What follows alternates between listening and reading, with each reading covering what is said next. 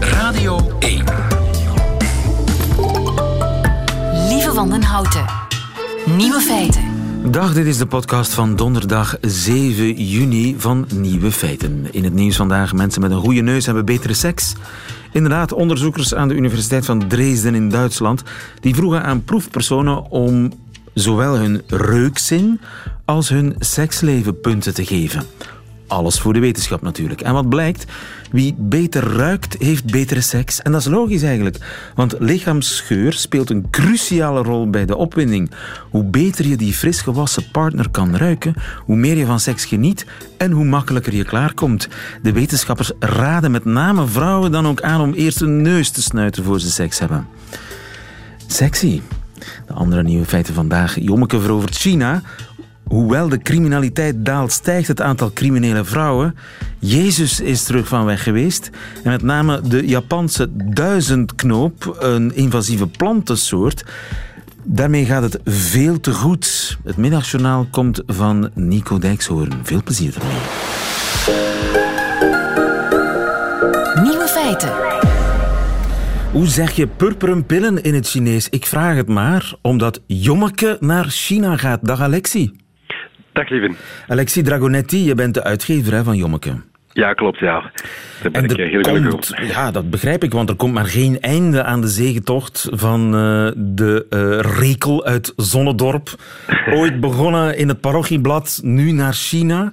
Onwaarschijnlijk, hè? Onwaarschijnlijk. En gaat dat iets veranderen aan de look van Jommeke? Die witte sokken, korte, strakke, zwarte broek, opgestroopte witte hemdsmouwen, lichtblauwe debardeur. Ik zie hem helemaal voor mij. Blond strooien dak, dat is natuurlijk het belangrijkste. Hè? Hij- Absoluut. ja. Hij krijgt geen spleetoogjes. Hij krijgt geen spleetoogjes en je moet zelf weten dat de Chinezen die, dat een beetje dat vintage gehalte ehm, eh, ervaren zij als zeer Europees. En het maakt echt deel uit van de charme eh, die zij eh, net opzoeken. Ah ja, dus, Dus hij, hij ziet eruit als een typisch Vlaams jongetje uit de jaren 50.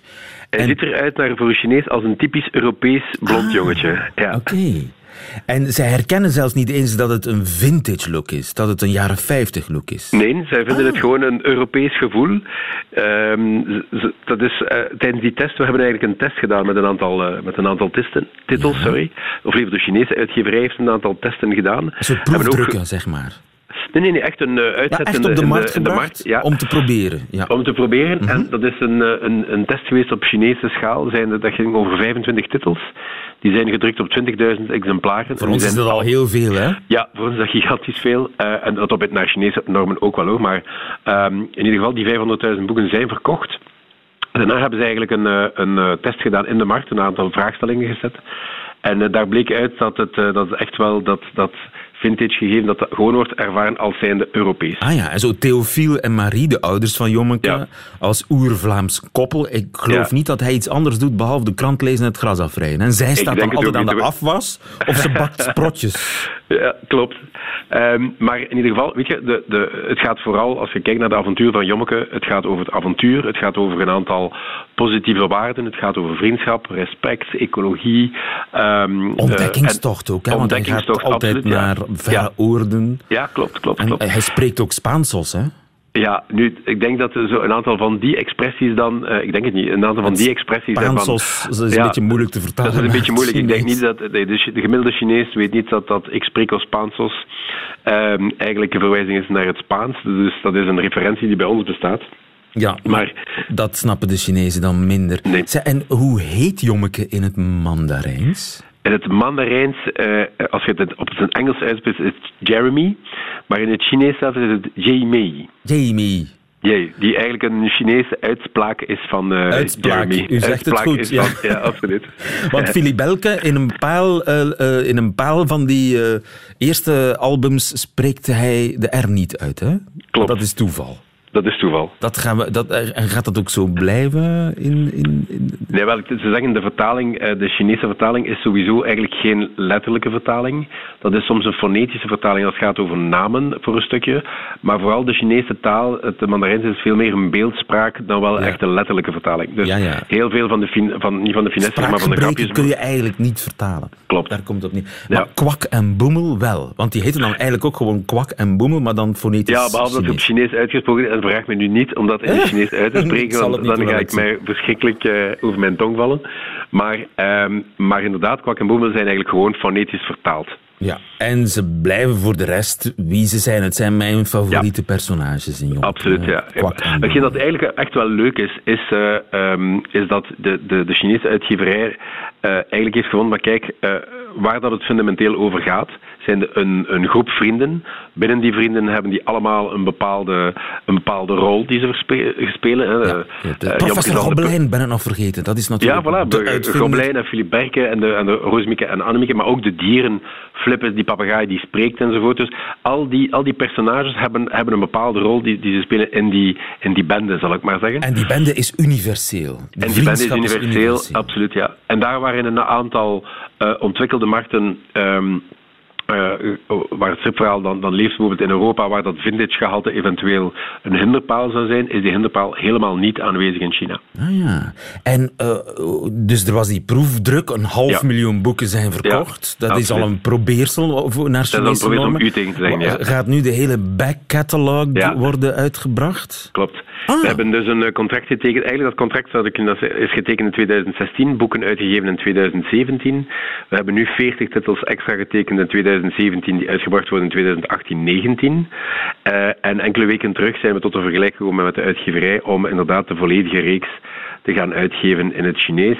We gaan letterlijk vandaag nog eh, een klein beetje verder spreken over het ritme. Omdat het is natuurlijk niet de bedoeling om... om er zijn 209 titels. 209 albums? Ja, 290. 90, bijna 300 albums. Bijna 300, ja. Die 300 albums zullen we trouwens binnen twee jaar vieren.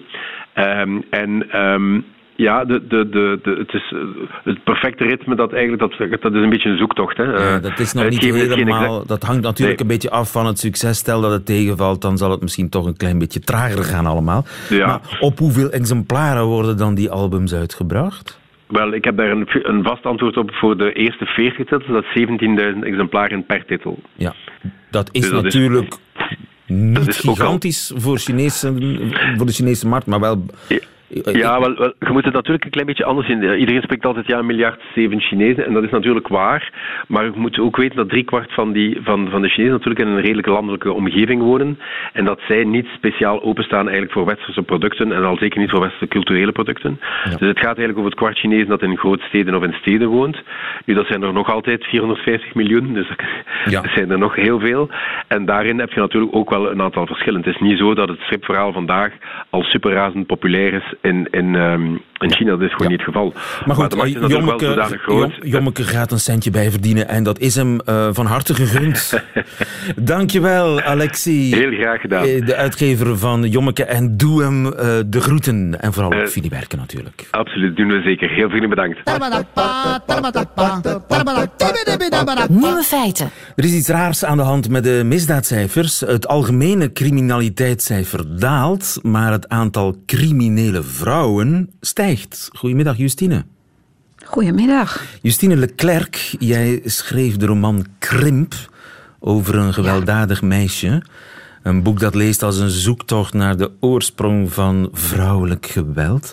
Uh, van waar je fascinatie mm -hmm. voor gewelddadige vrouwen? Ja, omdat het de andere kant is van de emancipatie.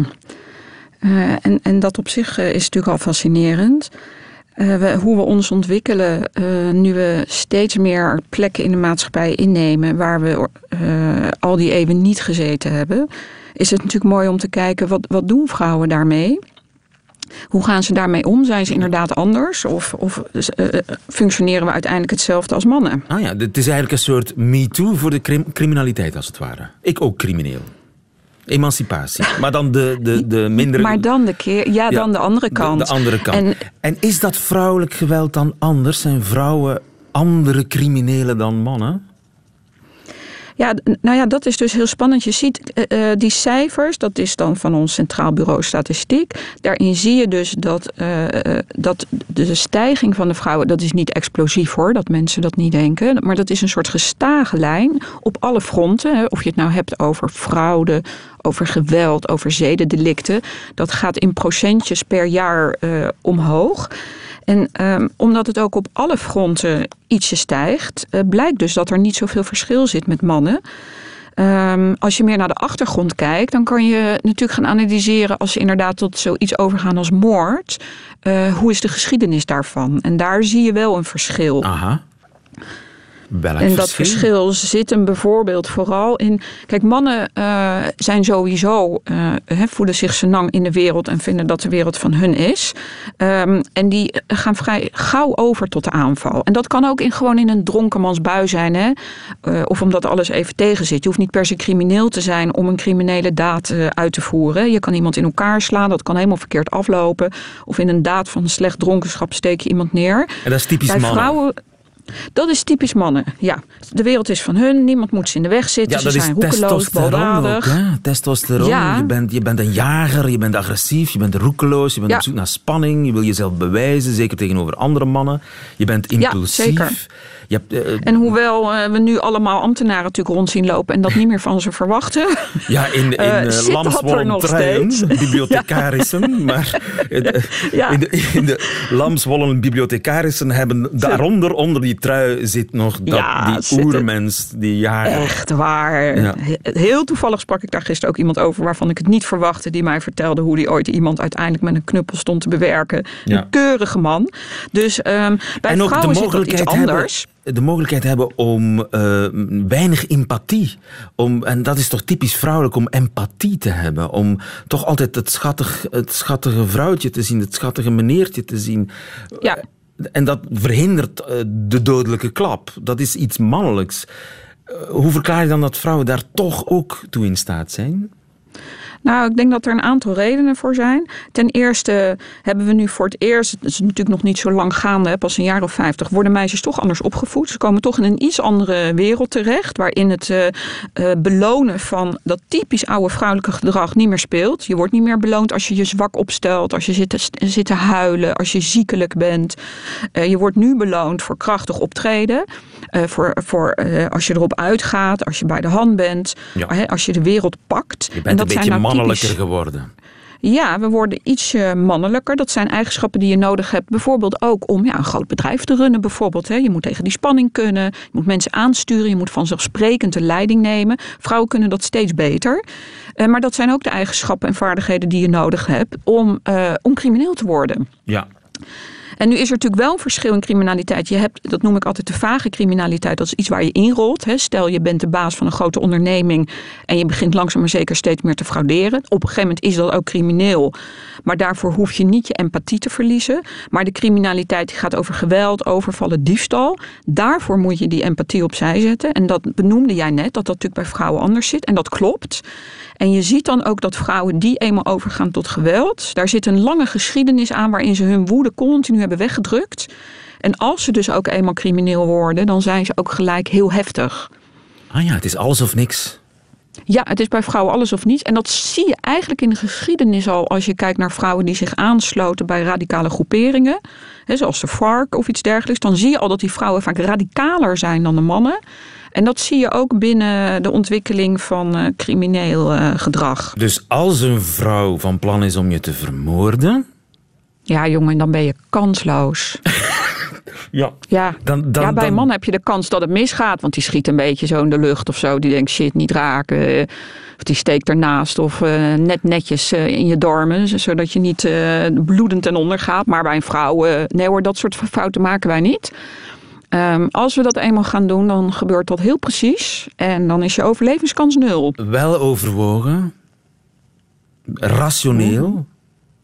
En, mhm. en, maar eerst moet die emmer van de wraak volgelopen zijn, als het ware. Ja, ja. En dat is eigenlijk um, ook een verontrustende boodschap. Het heeft heel erg te maken met. Want, want hoe zorg je ervoor dat iemand dus in die staat raakt? Um, en dat gebeurt als je je los voelt van je omgeving als je het gevoel hebt dat je niet in die wereld staat, niet in die wereld hoort. Dus je krijgt een heel sterk wij-zij, heel sterk isolement. Vaak doen vrouwen dat met een groepje of met hun partner. Um, en dat zag je dus bijvoorbeeld bij Enise B. en Antonio van der P. Dat is dat Nederlandse stel wat drie jaar geleden uh, ja, in een soort wilde achtervolging uiteindelijk in Duitsland is opgepakt. Een stel, maar, maar mensen denken dan heel vaak dat het meisje zich door die criminele man heeft laten meeslepen. Ja, En dat is ook absoluut het beeld wat uh, goed in stand is gebleven. En waar politie en rechters en uh, rechercheurs ook op afgaan. En Enise B. is nou een van de voorbeelden dat we van dat beeld zo langzamerhand wel af zijn. Zij heeft ook verder niet ontkend. Zij heeft ook niet een slachtofferrol op zich genomen. Hè. We hebben dat in het verleden als vrouw natuurlijk gebruikt om onder een straf uit te komen. Hartstikke slim. Maar het blijkt dus dat wij een veel groter aandeel hebben in die criminaliteit. En dat, beginnen, dat begint de rechterlijke macht nu ook te zien. Maar je moet de wereld dus haten. Veel, voor de criminaliteit die gaat rond geweld en diefstal en, en overvallen, hè, niet fraude en zo, maar rond dat, uh, die criminaliteit moet je op een bepaalde manier haten. Kijk, even heel plastisch gezegd, als jij met een pistool op iemand zijn hoofd staat, dan kan je niet denken, wat een schattig vrouwtje wat ik hier sta te beroven. Juist. Ja, je moet een, een bepaalde mate van haat hebben naar mensen toe in zijn algemeenheid. Ja. En dat is verontrustend. Justine Leclerc, je maakt er geen geheim van dat jij zelf eigenlijk ook een geheim, een, ja, een, een crimineel verleden hebt. Hè? Dus je praat eigenlijk ook uit eigen ervaring. Ja, en dat is gelukkig heel lang geleden. Waarschijnlijk dat ik er daarom ook zo over kan spreken. Maar ik, uh, ik heb in, van mijn vijftiende tot mijn 21ste ben ik verslaafd geweest. En uh, ben ik begonnen met diefstallen. En uh, later ben ik op mijn 21ste ooit gearresteerd met mijn vriend voor overvallen. Daar ben ik niet voor veroordeeld, mijn vriend wel. En uiteraard gebruik ik ja, die ervaring, maar ook alles wat ik er nog over weet, wat ik voelde en vond, gebruik ik uh, nu in mijn werk en, en om daarover te analyseren. Ja. Krimp, zo heet jouw roman. Dankjewel voor dit gesprek, Justine Leclerc. Goedemiddag. Dank je, lieve.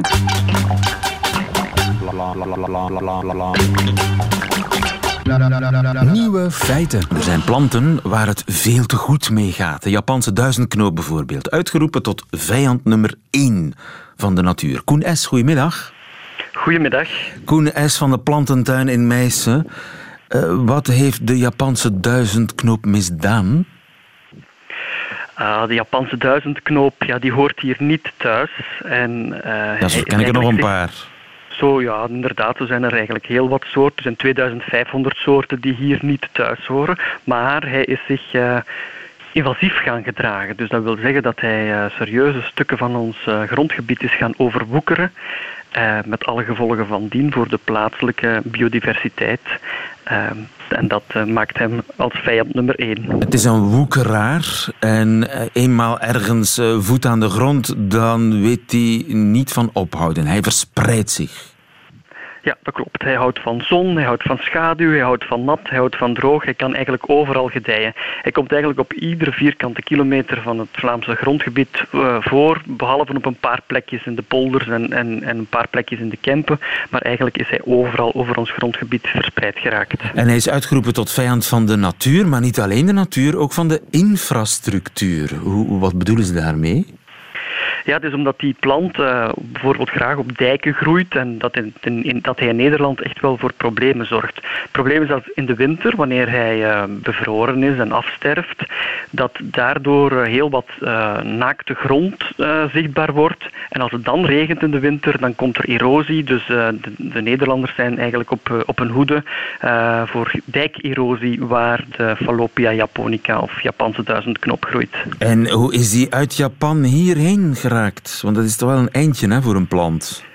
Oh, dat is in de 19e eeuw gebeurd. Dat was uh, von Siebold, een ontdekkingsreiziger die heel veel dingen uit Japan en China heeft meegebracht naar Nederland. Uh, hij was verbonden aan de botanische tuin in Leiden. Uh, hij heeft heel veel leuke planten meegebracht, maar goed, ook die Japanse duizendknoop. Op dat moment dacht men die te gebruiken als, als veevoeder, ook als curiosum in kasteeltuinen enzovoort.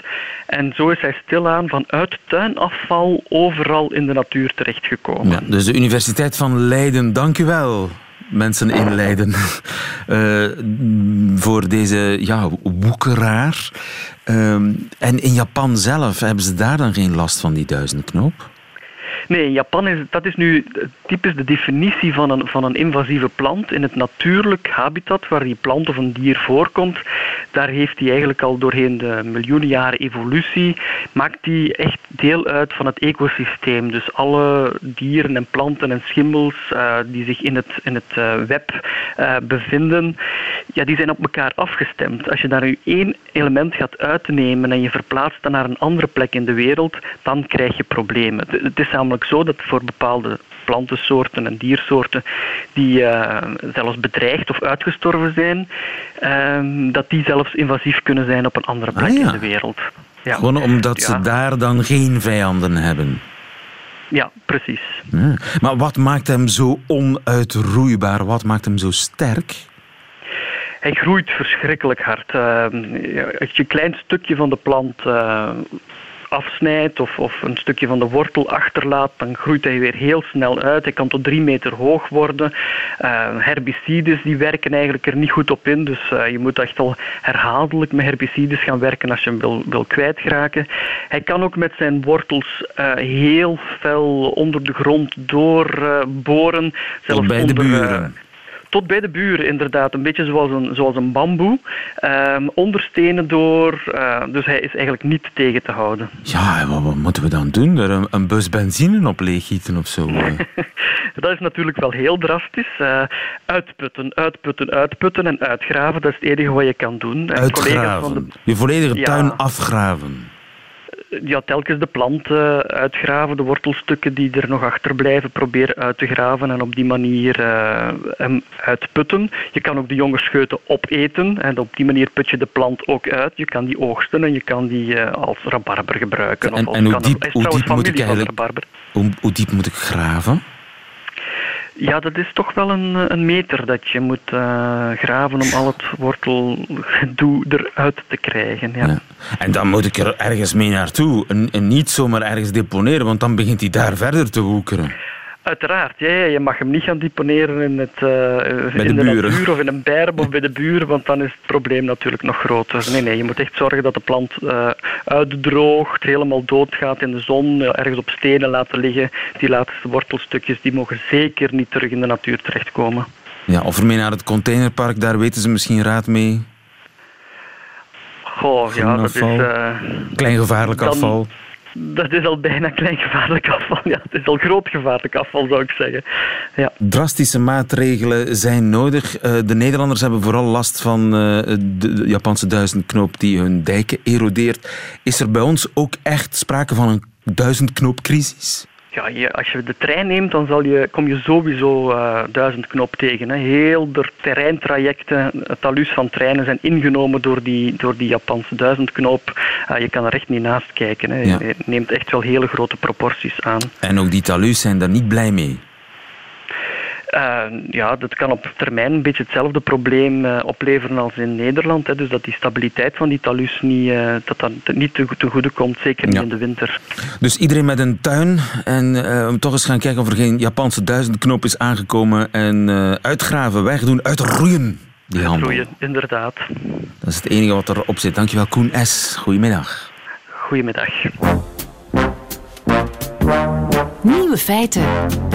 Jezus is terug van weg geweest. Religie maakt een comeback, dat zegt de Nederlandse journalist Yvonne Zonderop. Goedemiddag Yvonne. Goedemiddag. Adjunct hoofdredacteur geweest van de Volkskrant. Dat is een, een hele progressieve linkse krant in Nederland. Weliswaar met katholieke roots ooit. En u, u, schreef een boek over de comeback van religie. Het boek heet Ongelooflijk en is een, ja, een soort van bestseller aan het worden, hè, begrijp ik. Nou, het is al de vierde druk, inderdaad. Dus wat best veel is voor een onderwerp als dit. Ik ben ook veel uh, geïnterviewd. Ik krijg veel reacties. Het lijkt erop dat ik een snaar raak. Uh, zowel bij mensen die geloven als bij mensen die niet geloven. Dus het is voor beide groepen mensen blijkt het dus interessant zijn om kennis van te nemen. De religie maakt een comeback, maar toch zijn de kerken leeg. Hoe kan dat? Nou ja, dat is waar. Kijk, ik, eh, als je zegt van het is een comeback, dan moet je niet denken een comeback zoals we in de jaren 50 waren. Ik denk niet dat die tijd nog terugkomt. Dat is, niet, uh, dat is ook niet, er zijn ook niet veel mensen die dat zouden willen, volgens mij eerlijk gezegd. Wat, wat ik wel waarneem is dat um, uh, eigenlijk een paar ontwikkelingen tegelijkertijd. Je ziet dat een bepaalde groep mensen tot de conclusie is gekomen dat we misschien toch wel heel veel tegelijk hebben weggegooid met die oude erfenis. Ik betoog in mijn boek dat we in Nederland, en volgens mij was dat in België ook zo, een zwaar verzuilde geschiedenis hebben. Waar mensen uh, eigenlijk terwijl ze lid waren van de kerk. Ook, ook, dat was ook hun schoolomgeving, het waren hun familie, hun vrienden. Hun hele leven werd in feite stond in het teken van die, Ja. van die zekere religie. En dat werd En- als knechtend ervaren en is eh, heel boos weggegooid in de jaren 70, Ja. 80. Zo is dat, zo is dat, zo is En, dat. en nu voelen we dat we eigenlijk het kind met het badwater hebben weggegooid. Nou ja, wat ik, de vraag die ik, die, die, die ik, eh, die ik stel is van... eh, hebben we ons niet eigenlijk meer van een sociaal construct bevrijd dan van God? Je, kon, je kunt misschien ook wel nog gevoelig zijn voor geloof of voor het christelijke verhaal... zonder dat je meteen tot die verzuilde samenleving Ja. behoorde. Dus ik, ik spreek ook in mijn boek over een soort verzuilingstrauma... dat ertoe heeft geleid dat heel veel mensen zich lange tijd überhaupt niet met religie wilden inlaten. Ze vonden het maar raar en dom en eh, dat, was toch, dat waren toch sprookjes en we waren toch een stap verder Ja. inmiddels. En ik denk dat we nu in een tijd zijn aanbeland waarin we er weer opnieuw naar kunnen kijken en ook de vraag kunnen stellen van zaten er ook waardevolle kanten aan die erfenis en kunnen we die niet weer eens oppikken? En heb je datzelfde traject gemaakt, persoonlijk? Nou, ik merkte aan mijzelf inderdaad, ik ben zelf van katholieke huizen, maar ik vond het allemaal niet. Ik, was, ik ergerde me vaak aan de positie van de kerk. Ik was boos over hoe het toen naartoe ging. En ik dacht ook, ik geloof eigenlijk helemaal niet meer. En ik geloof ook eigenlijk helemaal niet zo erg. Maar toen ik ja, een jaar of twintig geleden begon dat toch al, merkte ik het als ik eh, eh, bijvoorbeeld in musea kwam en dan christelijke voorstellingen zag, mooie, mooie schilderijen of muziek van Bach of dergelijke, dat het toch echt een snaar bij mij raakte. En is er één schilderij dat bij merkte- jou eh, specifiek een, een snaar heeft geraakt? Want dat herken nou ja, ik namelijk. ik prachtig vond. Ja, wat ik bijvoorbeeld prachtig vond en wat de tranen me in de ogen schoten. Dat was bij de annunciatie van Leonardo da Vinci. Waarbij dan de engel aan Maria komt vertellen dat zij de moeder van God gaat worden. En, en dat is zo'n dramatisch, prachtig, diep Ja. ontroerend schilderij. En ik heb het ook een keer meegemaakt met een schilderij van El Greco. Hè, de, de, Ja. waarin, waarin Jezus eigenlijk al wordt opgehangen. Ja, Jezus wordt, staat klaar om te worden opgehangen aan het kruis. En hij, nou, het is ook zo'n aangrijpend schilderij. Je ziet dat de mensen eigenlijk niet goed met de boodschap van Jezus overweg kunnen. Dat, dat zie je op dat schilderij en dat greep mij heel erg aan. Ja, het gekke is, ik heb precies hetzelfde meegemaakt. Ik heb precies hetzelfde meegemaakt. Dat is wel heel gek. In, in Rome, in een kerk, niet, met, niet met de annunciatie, niet met de verkondiging aan Maria, jij zal de zoon van God dragen, maar eigenlijk met de, ja, de, de, de- het mannelijke equivalent daarvan, de vocazione van Matthäus, de roeping, Oh, door ja. Caravaggio. Ook tranen. Oh ja, Ook, ja. tranen hè? Ja. En dan merk je, ik ben eigenlijk ongeneeslijk katholiek. Ja, nou ja, eh, die verhalen zitten in ons. Het is onze cultuur. Wij zijn in onze contraien, denk ik, 1500 jaar is onze cultuur natuurlijk gevoed geweest door het christendom in allerlei vormen. En ook in de verbeelding daarvan. Onze hele kunst, onze literatuur, onze muziek, nog steeds trouwens, eh, eh, resoneert van, van, van die bijbelverhalen, van dat geloof, van de verschillende visies en versies daarop. En dus wij zijn allemaal inderdaad een kind daarvan, zelfs Ja. als we het niet geloven. Maar omdat wij zo negatief zijn gaan denken over geloof, hebben we ook dit aspect maar bij het oud vuil gezet. En Ja. dat is een beetje dom. Maar wat moet je dan doen? Wil, wil je dan een katholieke begrafenis bijvoorbeeld? Nou ja, ik denk zelf dat ik ehm, misschien. Ja, ik denk zelf dat we. Dat we eh, voor mezelf weet ik het eigenlijk nog niet eens zo. Ik ben al blij dat ik het heb ontdekt en dat ik nu meer naar tentoonstellingen kijk. Dat ik mijn kinderen er nog wat meer over kan vertellen. Ik, ik, ik, ik, plei, ik geef- hou er een pleidooi voor. Je bent nog uit de kast aan het komen als cultuurkatholiek. Als, Ja. als, of, of welke term moet je daarvoor bedenken? Nou ja, ik noem Vrijzinnig? mijzelf inderdaad cultuurchristen. Want, Cult- want het is niet alleen kat- katholiek voor mij. Ik merk zelf dat ik ook... Ik heb weliswaar katholieke roots, maar ik vind de Calvinistische kant ook heel Ja, interessant. kennen wij als Vlaming natuurlijk minder. Vrijzinnig Nee. katholiek, is dat een term die je kunt gebruiken? Ja, nou, ik zou zeggen, ik noem mijzelf cultuurchristen. Dat vind ik eigenlijk de beste term. Ja. Ja. En eh, moet je dan eh, je kind laten dopen en veinzen dat je het meent als je zegt ik geloof in de eeuwige almachtige God? Nou, mijn moeder heeft dat bij ons zo gedaan. Mijn, mijn moeder die, die groeide op in een tijd waarin het gewoonweg nat dan was om te vertellen dat je niet geloofde. Maar ik kwam er later achter dat mijn moeder eigenlijk niet echt geloofde. En als ik haar wel eens vroeg van hoe kan het nou toch dat God op alle plekken gelijk is, hè? want zo'n vraag stel je als kind aan je moeder. En dan zei ze ja, Gods wegen zijn ondoorgrondelijk. Ja. En dat is natuurlijk een antwoord waaruit blijkt dat ze zelf er niet veel van geloofde. Ja. Anders had ze wel een beter antwoord bedacht. Maar eh, Ik- wat doe jij als, als cultuurchristen? Ga, ga jij meebidden? Nou ja, ik- Mm, Nou, niet zo'n- een enkel keertje. Ik ga wel naar Bijbel. Ik lees de Bijbel. Ik, ik eh, ga een soort Bijbelles heb ik gevolgd een tijd lang. Ik, eh, ik ga wel eens naar, naar, naar de kerk, maar niet zo vaak. Ik, ik probeer eigenlijk eerder juist eh, ja, door mijn boek te schrijven, door mijn artikelenreeks te schrijven. Ik probeer die link te leggen en andere mensen daartoe te inspireren. En mijn dochter heeft mijn boek nu gelezen, vertelde ze me vorige week.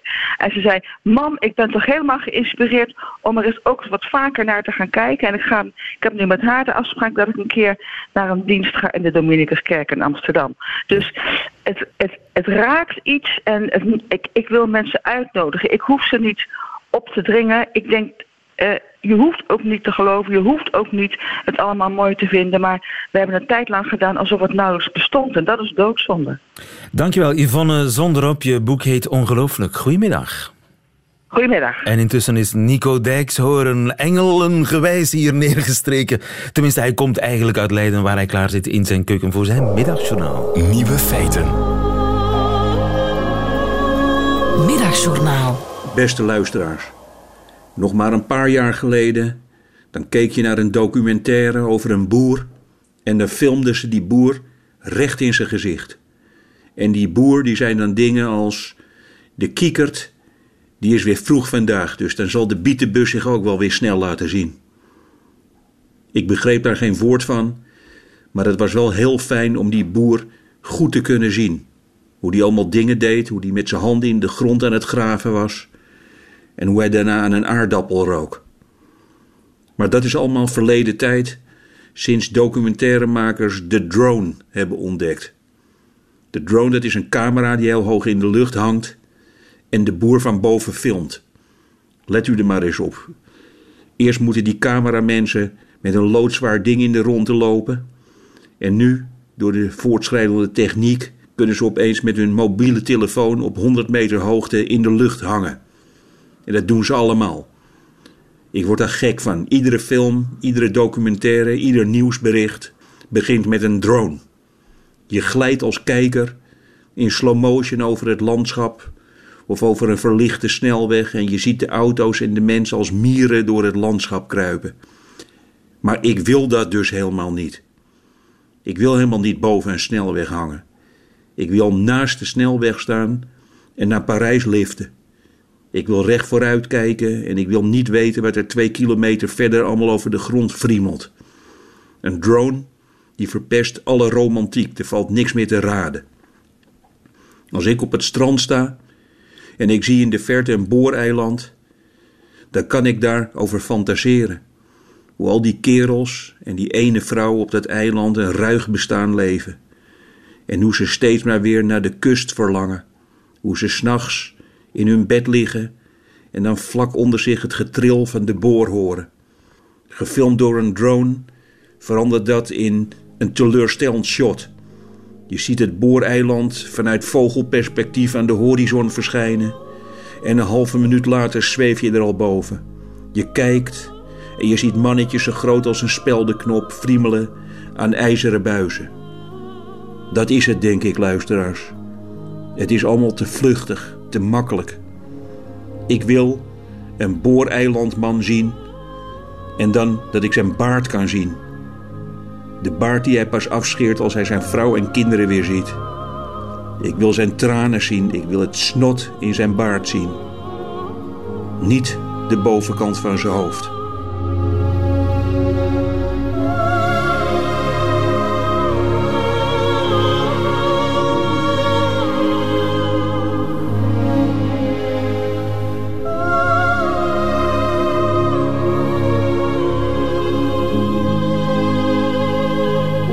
Nico Dijkshoorn in het middagjournaal. Einde van deze podcast, maar u vindt er nog veel meer op radio1.be en op de gebruikelijke podcastkanalen.